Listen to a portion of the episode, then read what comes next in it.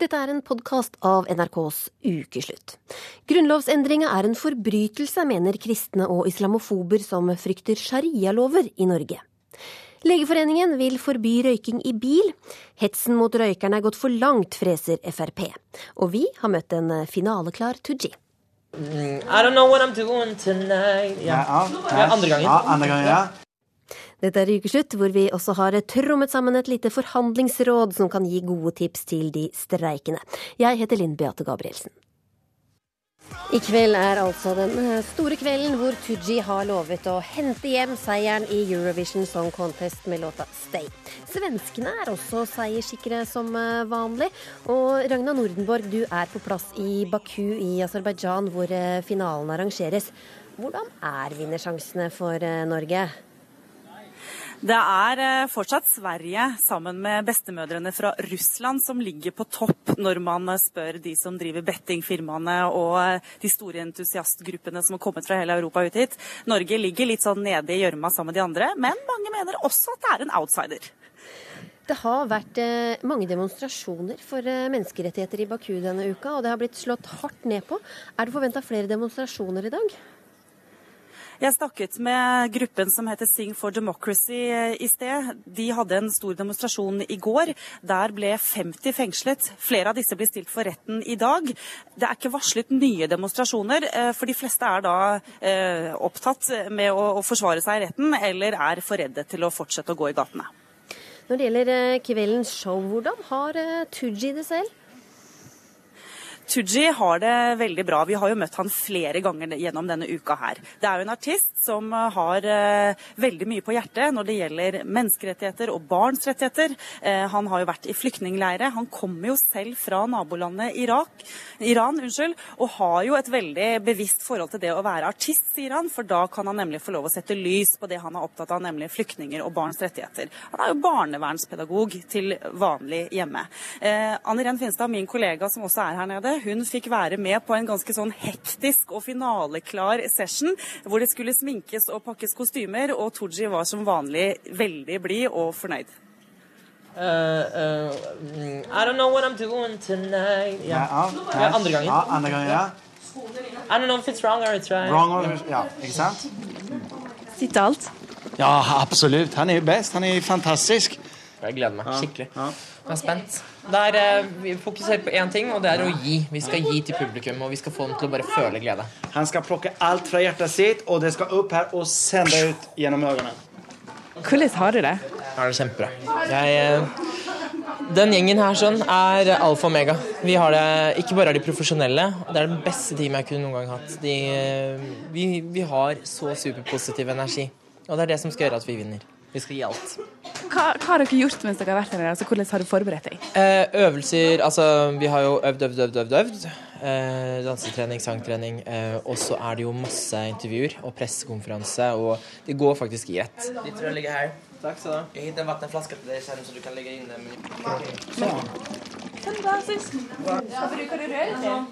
Men det man gjør for å flytte stemmen Så da bruker man et sånt her dør, og så setter man det i vann, og så blåser man.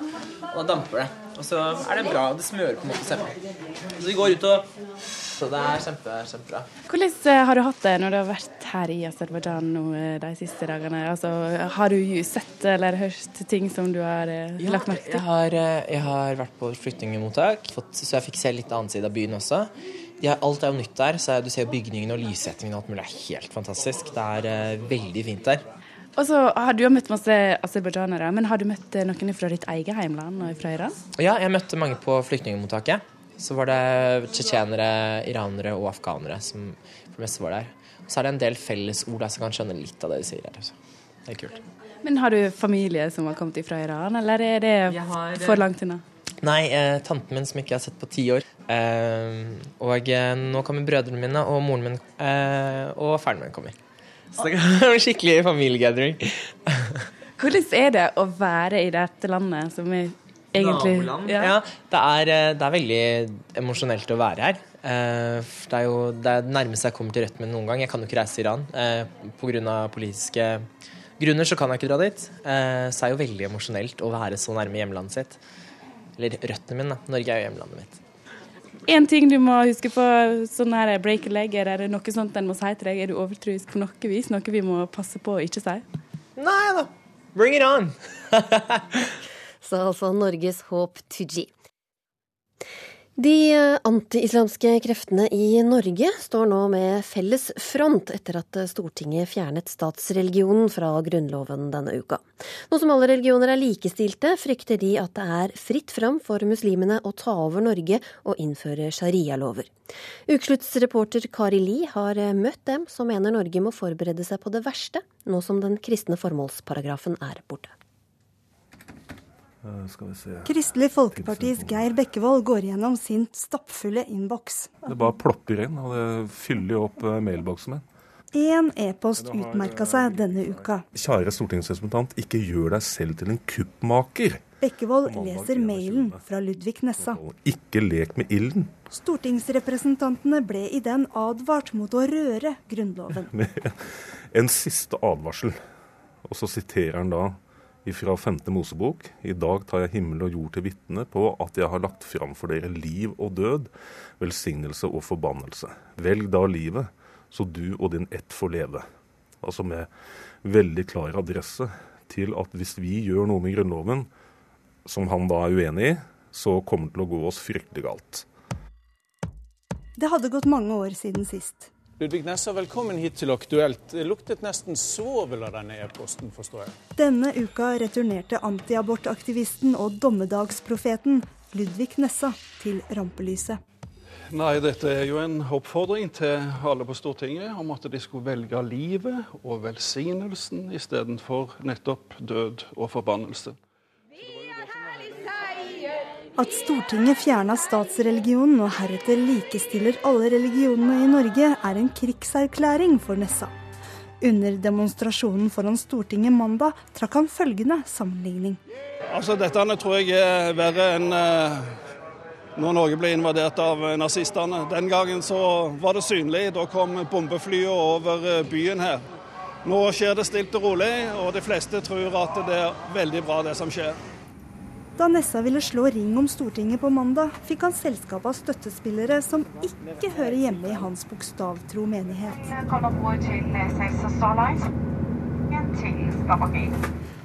Ukeslutt reiser til Vestlandet. Der bor de som planla demonstrasjon mot grunnlovsendringen og mot islam denne helga. Ja, jeg syns Nessa er en uh en som tør å, å, si sin mening, og det liker jeg veldig godt. Kjetil Kjønli er snekker og kommer opprinnelig fra Drammen. På fritida administrerer 45-åringen nettsida til den anti-islamistiske organisasjonen Norwegian Defence League.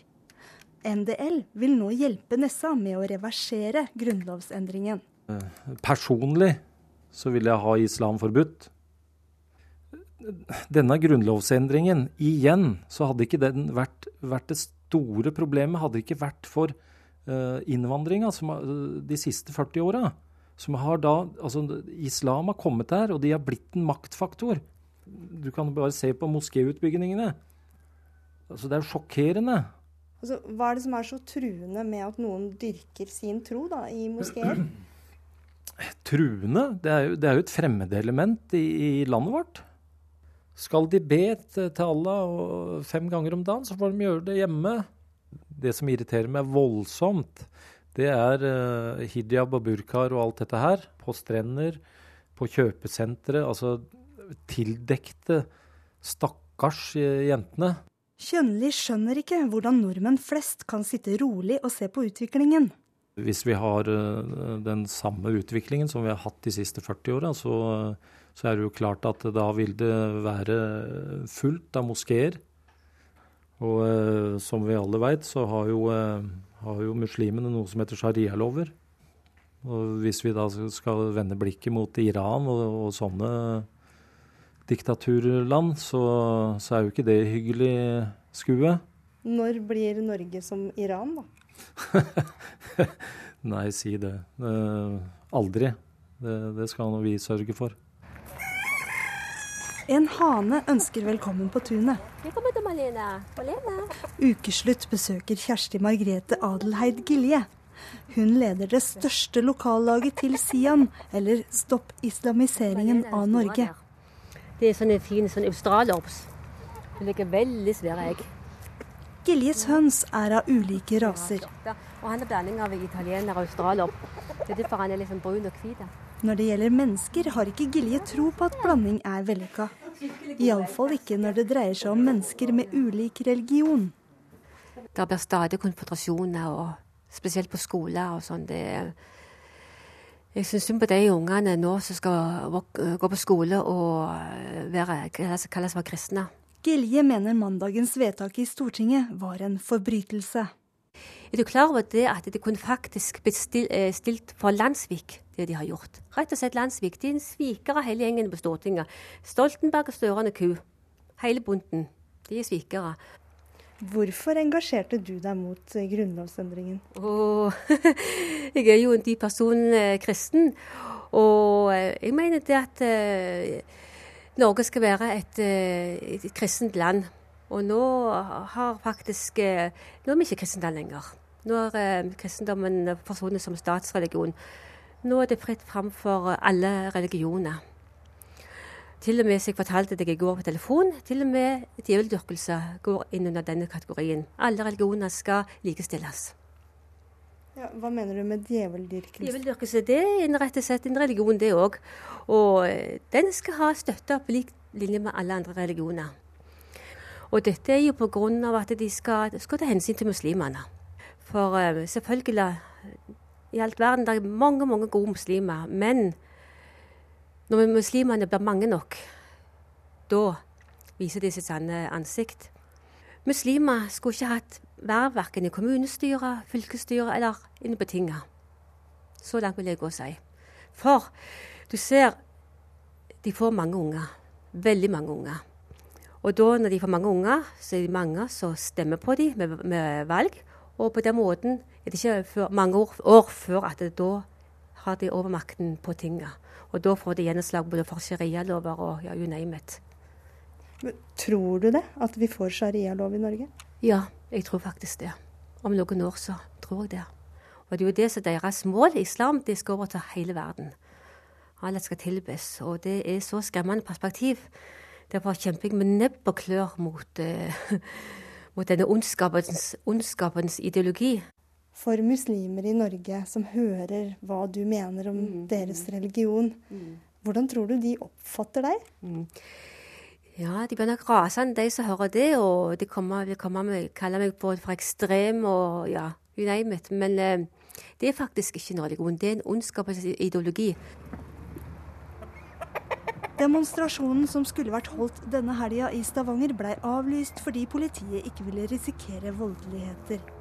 Det er nemlig ikke så mange som deler NDLs og Sians syn. Det er langt flere som demonstrerer mot. Men Gilje og Kjønli gir seg ikke. Sankthansaften har de planlagt en ny demonstrasjon for den gamle grunnloven og mot islam forslaget det, det, i våre øyne, selv om de har vedtatt dette her på Stortinget, så er ikke dette her tapt. Det er bare så vidt starta.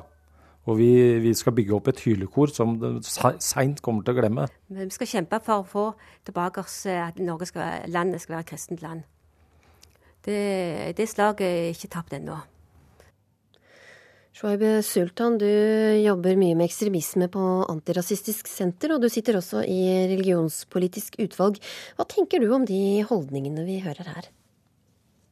Ja, det er jo en herlig blanding av, av eh, feil kunnskap, manglende kunnskap og fullstendig rabiat, rabiat fremmedfrykt. Men um, vi hører jo her stor frykt for at Norge skal uh, islamiseres. Blir vi det nå? Ja, det er et veldig sært uh, veldig sær tilnærming hvor man ser alt som skjer rundt seg med begrunnelse i muslimer. Altså Hvis man ser på de ulike uh, Hvis man ser på utviklingen av statskirken Det har jo vært en veldig langsom prosess med å skille stat og kirke. Egentlig kan du se over flere år gjennom ulike utvalg som har sittet og behandlet dette. Så kan du se en glidende overgang. Og, og, og, eh, det å på en måte forstå alt som at dette handler om islam og muslimer, det er veldig merkelig. Men jeg syns også det er interessant denne sammenblandingen av, av innvandrere og muslimer som en del av disse bedriver. Noe av det bevisst, noe av det er Jeg tror de rett og slett ikke forstår at det er altså det store antallet av innvandrere i Norge er jo ikke muslimer, og de fleste, etter hvert flere og flere muslimer er norske. Men, men, men, det er på en måte en erkjennelse som jeg tror sitter ganske dypt inne hos en del av, en del av disse.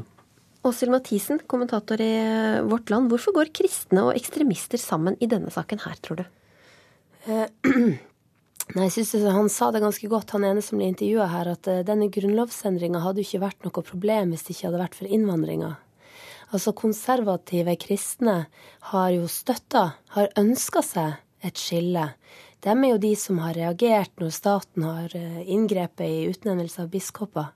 Så de har ønska seg dette. De har ønska seg en sidestilling av sine trossamfunn med, med kirka, eh, og nå har de fått det.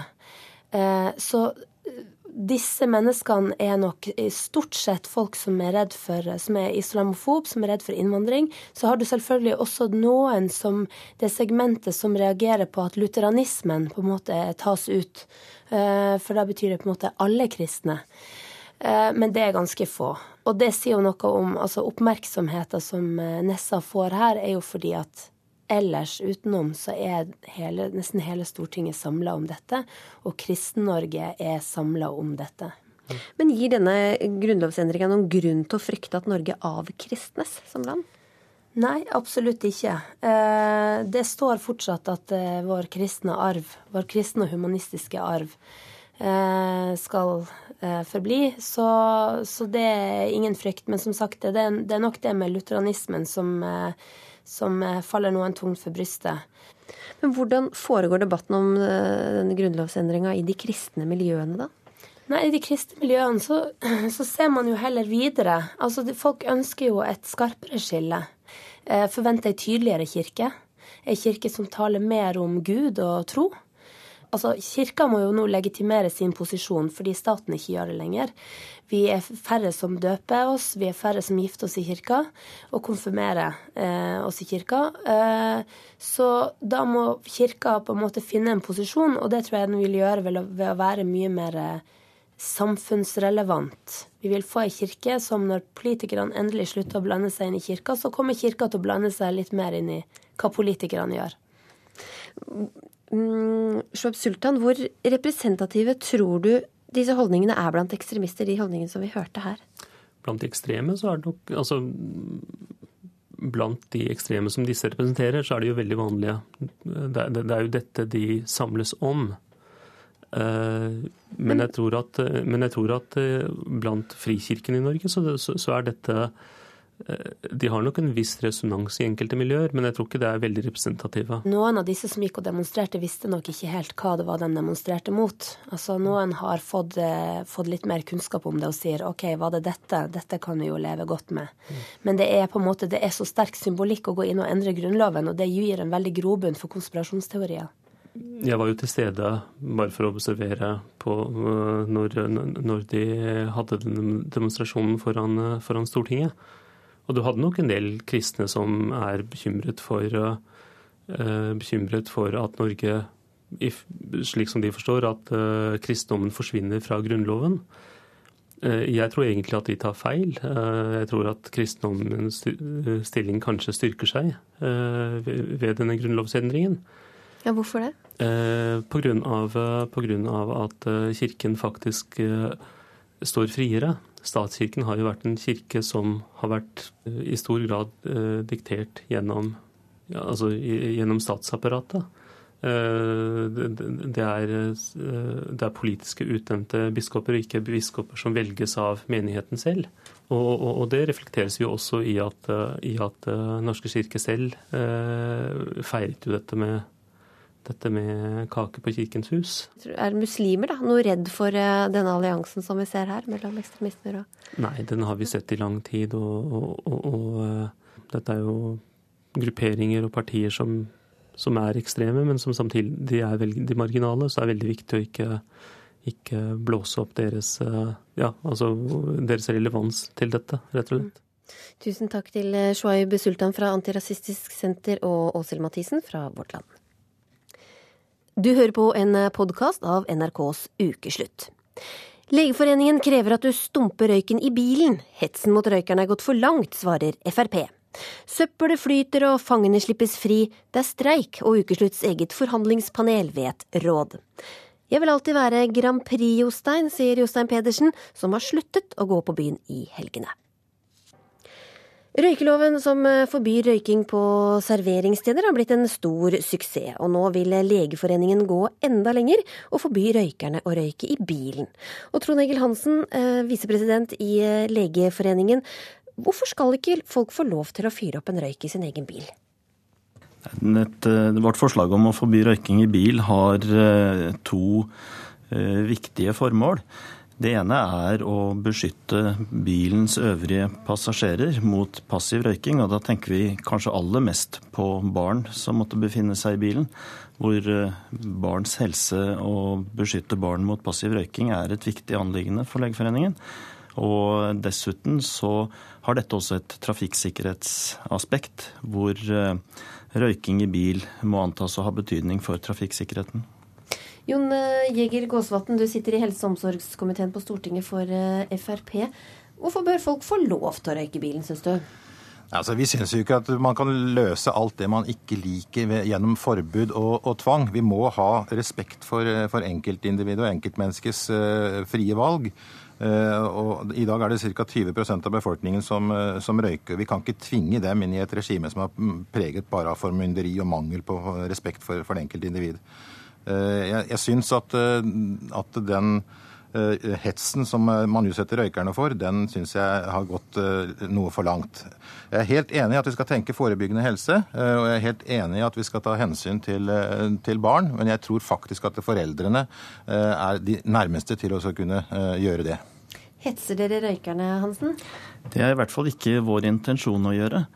Men når det gjelder røyk røykingens utbredelse i befolkningen i dag, så har den en klar sosial eh, dimensjon.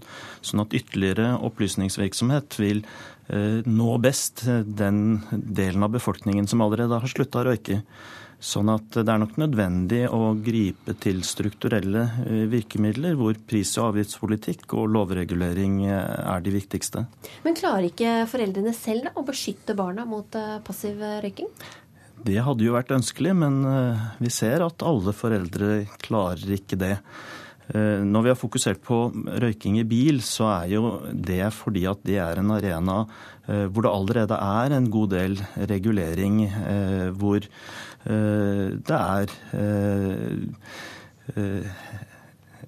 lovregulert å forhindre atferd som kan være farefull eller skadelig for andre.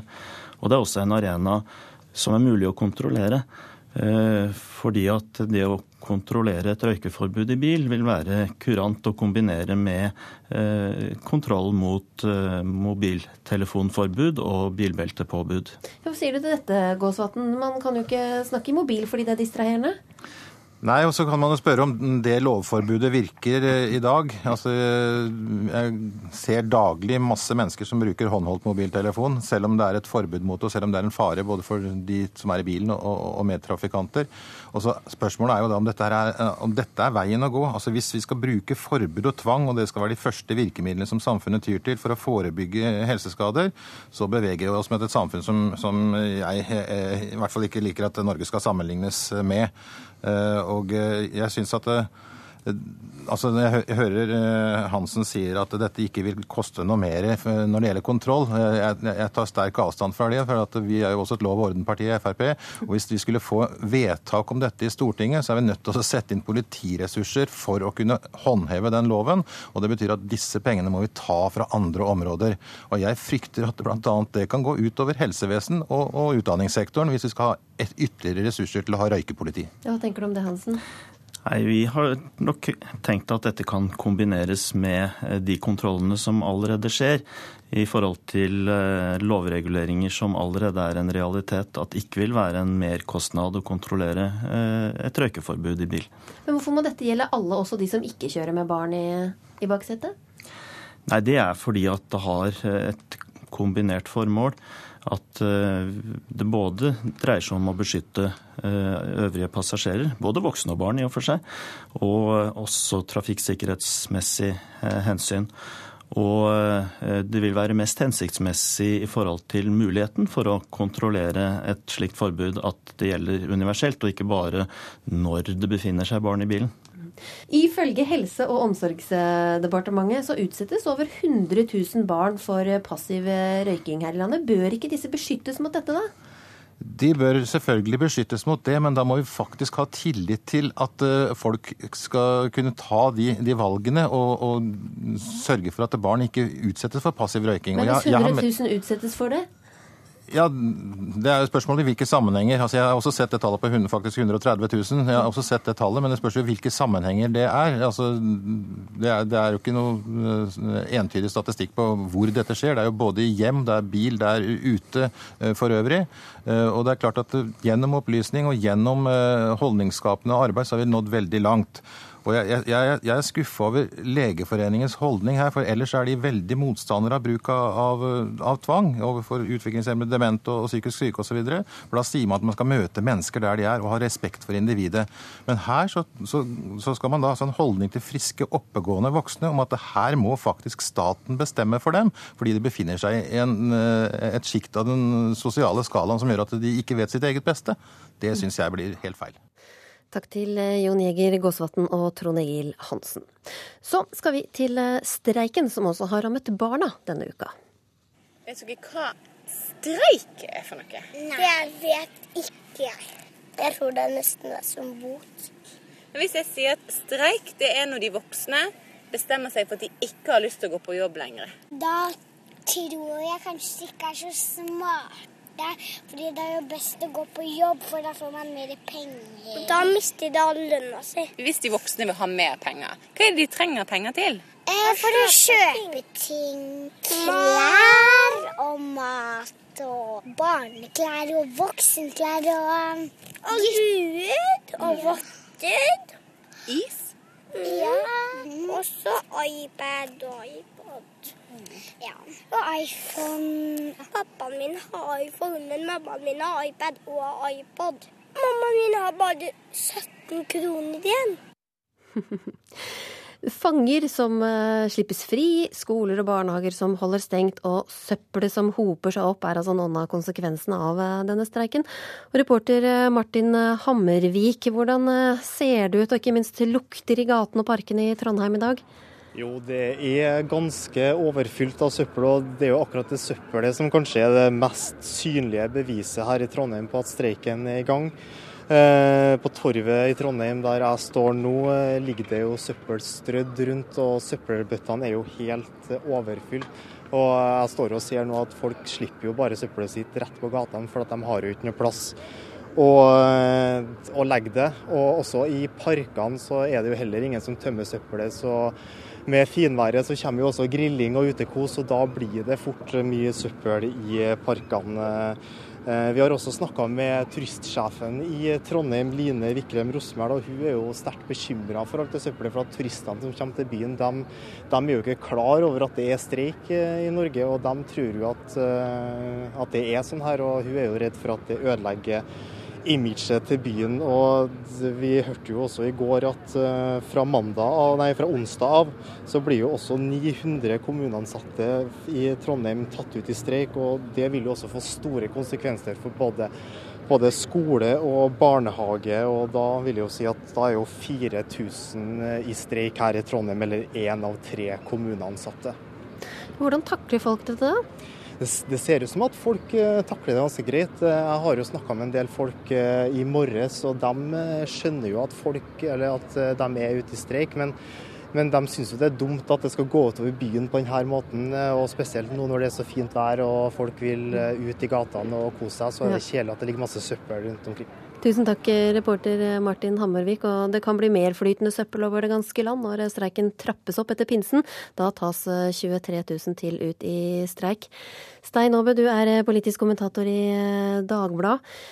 Staten har ikke streiket på 28 år, men eh, gikk altså ut i streik nå for eh, summen av en pils eller to i, i, i måneden. Hvorfor i all verden gjorde de det, tror du?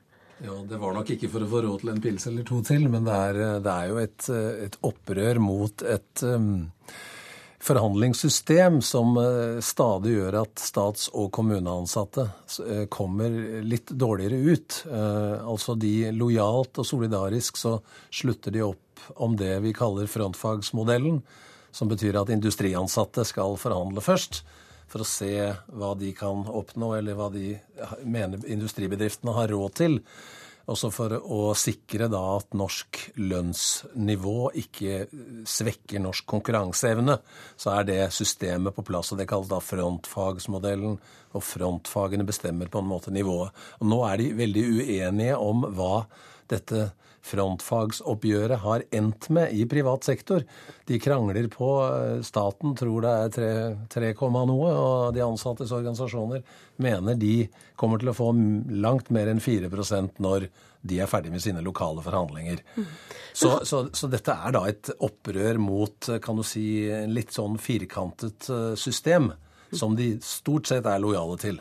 Men har regjeringa god grunn til å holde tilbake dette lønnsoppgjøret? Altså, regjeringen har jo ansvar for norsk økonomi i stort, og de vil jo ikke at lønnsnivået i Norge skal bli for høyt. Allerede så er det jo 50% høyere enn gjennomsnittet av handelspartnere i EU osv.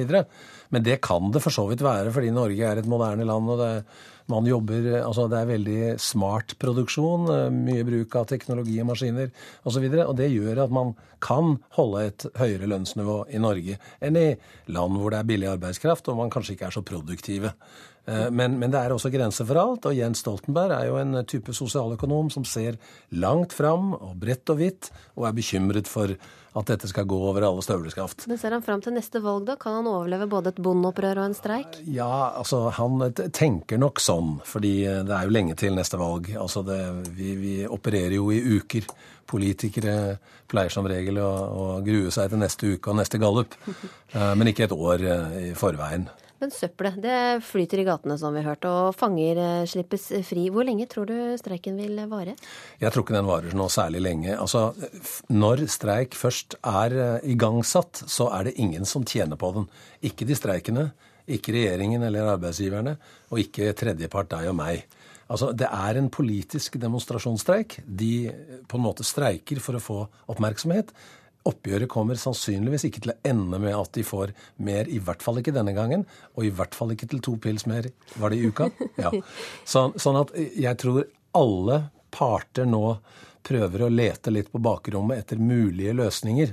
Altså De streikende må kanskje få et lite fikenblad som de kan vise fram til sine medlemmer, og at vi har oppnådd dette eller en innrømmelse på lang sikt. Og staten vil jo selvfølgelig ikke at dette skal eh, holde på i det uendelige. De har jo et visst ansvar. Men staten og kommunene de tjener jo penger i motsetning til i andre streiker hvor arbeidsgiverne ikke får solgt sine varer og taper store summer ved en streik, så sparer staten og kommunene masse penger på å slippe å betale lønn. Ja, ikke sant. Tusen takk, Stein Aabø, politisk kommentator i Dagbladet.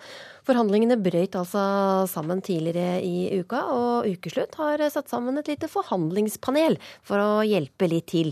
Og vi starter med deg, Henrik Hovland. Du er eh, forfatter og journalist og har vært mye i konfliktområder. Du har bl.a. etterforsket eh, krigsforbrytelser for eh, FN, og har med hell forhandlet deg ut av gisselsituasjoner. Hvordan kom du deg ut av det? Altså, den store fordelen jeg hadde der, var at jeg kjente dette området veldig godt.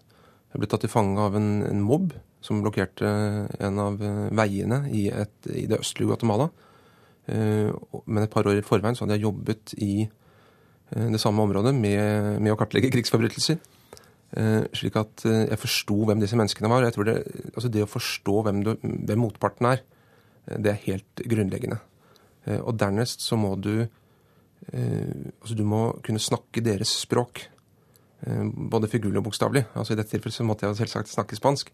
Men du må også på en måte forstå hvilken referanseramme de opererer innenfor. slik at du, altså du, du, må klare å kommunisere med dem. Så kulturkunnskap, historisk kunnskap, er også kjempeviktig. Eh, og så må du eh, Du må være høflig. Du må vise respekt. Eh, er, jeg tror det er bare da du vinner tillit. Eh, og en tredje ting, det må være at altså du må være kreativ. Du må bruke fantasien. Eh, du står overfor folk som eh, Altså det er helt sikkert ting som motparten ikke har tenkt på at de ønsker seg. eh, og som du kan gi dem. Og helt sikkert ting som du kan gi dem som de ikke har tenkt på at du er i stand til å gi. Um, Hvordan var du kreativ? Altså jeg, altså dette var en litt vanskelig situasjon, for det var folk som forsøkte å knuse rutene på bilen min og, forsøkte å velte den over ende. Eh, Men dette gjorde de da fra to forskjellige kanter, slik at de utlignet hverandre. Eh, Og det jeg gjorde, var at jeg først forsøkte å tilrane meg initiativet. Altså jeg kom meg ut av bilen og inn i mengden. Eh, Og det er en lang historie, men etter en stund så kom jeg opp, meg opp på et lasteplan. Dette er et område hvor folk er analfabeter, slik at lokale handelsmenn de bruker megafoner for å avertere varene sine. Så det var da en handelsmann som altså de hadde overtatt bilen hans. Eh, Men det var en megafon der, og den brukte jeg til å begynne å snakke til mengden. Eh, Og så endret jeg, klarte jeg da eh, å endre situasjonen, slik at jeg etter fire-fem timer ble en utsending for dem og skulle formidle deres krav til, til hovedstaden. Men det var jo ganske intenst før vi kom dit. Som, jeg tror det som er veldig viktig, er at man, man må prøve å vinne. altså Man må prøve å komme seg ut av dette her. Men du må samtidig sørge for at motparten ikke taper. Altså ingen må miste ansikt. Eh, Alle må føle at de får noe. Marte Ovenberg, du deltok i programmet Teenage Boss på NRK, der du fikk eh, styre økonomien til hele familien din i en måned. Og hvordan forhandler du med dine foreldre når det er noe du bare må ha? Ehm, det er vel forskjellig fra gang til gang, egentlig. Jeg kommer veldig an på hva det er jeg vil forhandle fram. Ehm, som oftest går det vel kanskje med pappa, for han er på en måte familiens overhode og tar de med fleste valgene. Ehm, men um, kan også være med mamma hvis det gjelder ting som sminke og klær og sånne ting som det, for det har pappa veldig liten forståelse for. Hva slags taktikk bruker du da? Nei, Taktikken min er vel som oftest å sikte høyt, da. Eh, For jeg vet at eh, vi kommer frem til kompromisser, og at vi som oftest møtes på midten. Eh, Så jeg pleier å sikte høyt. Jeg trenger 500 kroner, så spør jeg om 1000. Og så håper jeg på at vi møtes et sted. Får du 500 til slutt, da, eller? Ja, som oftest tror jeg faktisk at jeg får til det. Men eh, jeg må jo argumentere og legge frem saklige saklige argumenter på hvorfor jeg skal ha det her. Jeg skal, det skal liksom alltid trenges, skal ikke bare ha lyst på. Så mm, ja, det kan vel kanskje sammenlignes litt med oppgjør av nye tariffavtaler og alt det der. Gunnar Martin Kjenner, du er eh, fotballagent, og blant dem du har hatt i stallen, er eh, Tore André Flo. Hvordan legger du opp strategi når du skal forhandle på vegne av en ny spiller? det er veldig forskjellig fra situasjon til situasjon, avhengig av hva spilleren ønsker. For noen er det først og fremst økonomi, for andre kan det være familiære hendelser. Eh, Og jeg hadde også overgangen, første overgangen til Jon Arne Riise til utlandet, det var i Monaco. Eh, Han var kun 17 år, og da, da var opinionen i Norge, meningsdannende, sa at dette her er å mishandle en ung gutt og ødelegge karrieren hans. Da var det veldig om å gjøre til rett- tilrettelegge en, en trygg ramme. Språkopplæring. Han hadde en eldre dame som han bodde sammen med første måneden. og var med i butikken og, og alt praktisk for å lære språket. Og moren hans fikk jo oppholde seg 14 dager eh, hver, hver måned i Monaco. Alt betalt reiseopphold av, av klubben for at det skulle være en myk overgang. Marte Ovenberg, eh, hvis, eh, hvis det er eh, foreldrene dine da, som er staten og sier at du får ikke mer penger, hva, hva sier du da for å, for å overtale dem? Da må jeg forklare hvorfor jeg trenger mer penger, hvorfor det er såpass viktig at de må prioritere det. Um, jeg er Hva kan være så viktig, da? Um, ja, hvis jeg skal ut en helg, f.eks., og er blakk, har ikke penger, eh, alle vennene mine skal dit, eh, sånne ting. Eller eh, aktuelle nå er en sydentur på slutten av sommeren med noen venninner. Det er vel det jeg vil kanskje forhandle litt om nå. Hva hvis du står fast, da? Hvis ikke du kommer videre? Nei, da er jeg helt enig med de andre at det handler om å kjenne motparten sin. Og i og med at det er familien min, så kjenner jeg jo de veldig godt. Så da hender det at jeg kan være litt frekk og bruke ting mot dem, kanskje.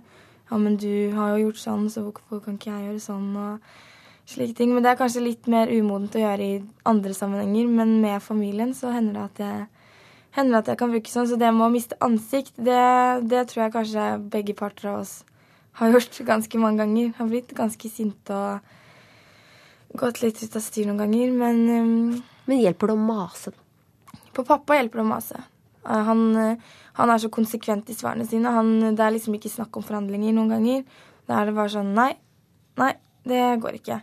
Og da er det egentlig ikke noe annet å gjøre, da. Nå mase og mase og mase, og til slutt så Eller 50% av tilfellene så gir han vel opp til slutt. Hva mener du er det viktigste i en eh, forhandlingssituasjon? Ha kunnskap om motparten. eh, Snakke motpartens språk. eh, Være kreativ. Og presentere løsninger som innebærer at ingen taper ansikt. Da tror jeg du kan lykkes. Og hvilke erfaringer har du med det? Det har gått bra, da. Jeg sitter jo her. Har du en historie? Og så En annen gang, eh, hvis vi skal holde oss til det samme landet i Guatemala, så ble jeg tatt til fange av eh, paramilitær milits i det nordvestlige høylandet. Eh, og dette var traumatiserte og svært voldelige mennesker. som hadde opplevd ekstreme ting, og som hadde på en måte mest lyst til å hogge macheten i hodet mitt. Og det å, måte, det å snakke dem ned, og, og snakke dem og meg eh, ut av situasjonen, var veldig krevende. Um, og da, altså, I den situasjonen så tror jeg altså, kunnskap om motparten, det å forstå dem, og det å snakke til dem på en måte som viser dem respekt, men som også signaliserer at jeg forstår deres situasjon, og jeg, er, altså, jeg føler med dem. Og det er ikke noe du kan hykle. Altså, du må ha en, det må være en genuin empati der, for det, det merker det. Har vi med oss Gunnar eh, Martin Kjenner eh, fortsatt? Jeg hører deg. Hvilken forhandling har du vært mest stolt av? Den mest utfordrende jeg har vært med på, det var nok eh, overgangen til Tore André til Rangers i Skottland. Han hadde da spilt noen år i Chelsea og gjort det veldig bra. Var en fremragende landslagsspiller.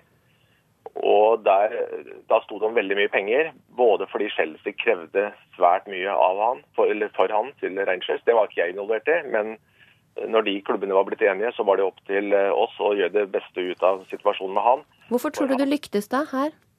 Eh, Ja, dette, det, det er vanskelig å sette ord på, fordi eh, Rangers presenterte en struktur på forhandlingene med ulike selskaper og mye frem og tilbake, så det var, veldig, det var et puslespill.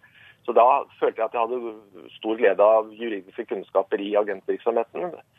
Og vi måtte hente inn ekspertise fra, fra Norge over til Skottland for å kvalitetssikre de ulike konstruksjonene.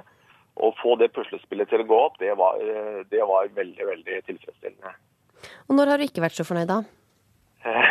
Det var, det var en gang eh, jeg var på ferie eh, med båt, lå i Grimstad, kom en telefon fra Italia, måtte snarest mulig øyeblikkelig til, eh, til Genoa. Vidar Riseth var interessant for Genoa. Klubbene var kommet så nær hverandre at nå var det igjen opp til spilleren å komme til en avtale med klubben. Eh, Familien ble sendt ut på et skjær. Jeg tok buss til Oslo, fly til eh, Genoa. Da jeg kom frem, så var forhandlingene brutt, brutt sammen. Jeg kom tilbake med tollfri kvote. Det var det som var igjen av, av en lang tur midt i ferien.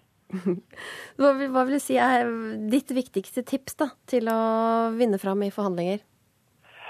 Det er eh, Nøkkelordene er tillit og forståelse og kreativitet. Det tror jeg går igjen, enten det er en vanskelig situasjon som Henrik har vært oppe i, eller det er en mer positiv hvor partene ønsker å komme sammen, som, som er den arenaen jeg som regel arbeider på. Takk for eh, gode tips, Gunnar Martin Kjenner, Marte Ovenberg og Henrik Hovland. Han er kjent for sine frekke kommentarer om Grand Prix-deltakernes klær og stemmer. I mange år var han selveste mister Melodi Grand Prix som NRKs kommentator for musikkonkurransen. I dag ser han det hele litt fra sidelinja, men eh, han klarer ikke å holde seg helt unna, og kommenterte semifinalen på homsestedet London pub. God kveld, Norge. Her er London pub! Det var veldig god stemning. Nå høres dere ut som dere er på Carola-konsert i PTO Havsbad i 1994. Det skal vi ikke ha noe av. Røystad har du hørt før. Jostein Pedersen er en levende Melodi Grand Prix-legende. Men blant glade og fargerike homofile på London pub i Oslo må han jobbe litt ekstra. God kveld, Norge. Her er London pub! Sånn ja, litt bedre. Kanskje er publikum litt nervøse der de sitter blant norske og svenske flagg og følger med på torsdagens semifinale.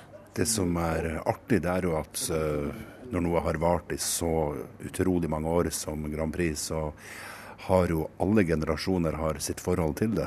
Uansett hvilket tiår man er, man er født i. Så jeg syns jo det er veldig artig å være med på. Jostein Pedersen er ikledd en fasjonabel smoking og er høyere enn de fleste i det mørke lokalet. For mange er Jostein selveste Mr. Melodi Grand Prix. Fra 1996 til 2007 kommenterte han musikkonkurransen for NRK på sin noe frekke måte. Land og sang nummer 25 er Sverige. Det er duoen Fame som skal synge 'Give Me Your Love'. Og Som vanlig så tror Sverige at de kan vinne, og denne kan faktisk komme høyt, for å være ærlig. Til tross for at det er en melkeblek ABBA-kopi nok en gang, og at Jessica på 29 og Magnus på 36 har mindre utstråling enn bokhyllen Ivar fra Ikea. Skulle du ønske at du var i baken nå og kunne følge det hele up close? Nei, jeg tror man, man får den skjebnen man er tildelt, så jeg eh, tror nok at det er ikke noe valg. Altså, jeg blir forbundet med Melodi Grand Prix så lenge jeg lever, og da gjør jeg det beste ut av det. Og har det moro på min måte. Hvordan er det å være Grand Prix hos deg? For å si det sånn, det er veldig sjelden jeg går på byen i helgene. For det er alltid noen som skal diskutere, og noen som har en mening. Og, men ellers er det veldig hyggelig. Live from Baku,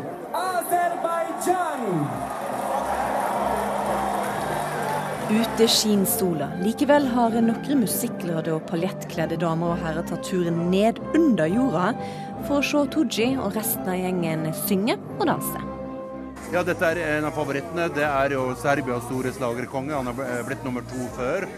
Og eh, Det er kanskje ikke så sterk ballade, men det er en flott ballade, og han synger bra. Så, han er en veldig pen mann, men eh, stemmen er finere. Litt kommentering blir det. Det er vanskelig for Jostein å la være. Men for tida er det det erotiske magasinet Cupido som tar mesteparten av tida hans. Som spaltist. Det enkleste middelet i en visuell verden, det er eh, kropp, og det er sex, og det er alt dette udefinerbare som er et spørsmål om smak og behag. Så jeg syns vel at både Cupido og sex sånn sett i Grand Prix-sammenheng er interessant. Mine herrer og herrer og mine damer og damer, nå er det Norges tur. Oi, oi, nå tar stemninga seg opp. Tooji har gått på scenen, og han synger for Norge.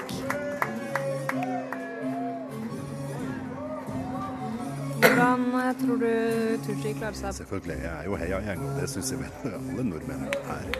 Når det er sagt, så har vi veldig få venner. Det er en, en tøff semifinale sånn sett at det er ingen opplagte land som stemmer automatisk på oss uansett. Men verken Jostein Pedersen eller de andre publikummerne hadde grunn til å være nervøse. For som vi vet, gikk det bra med Tooji.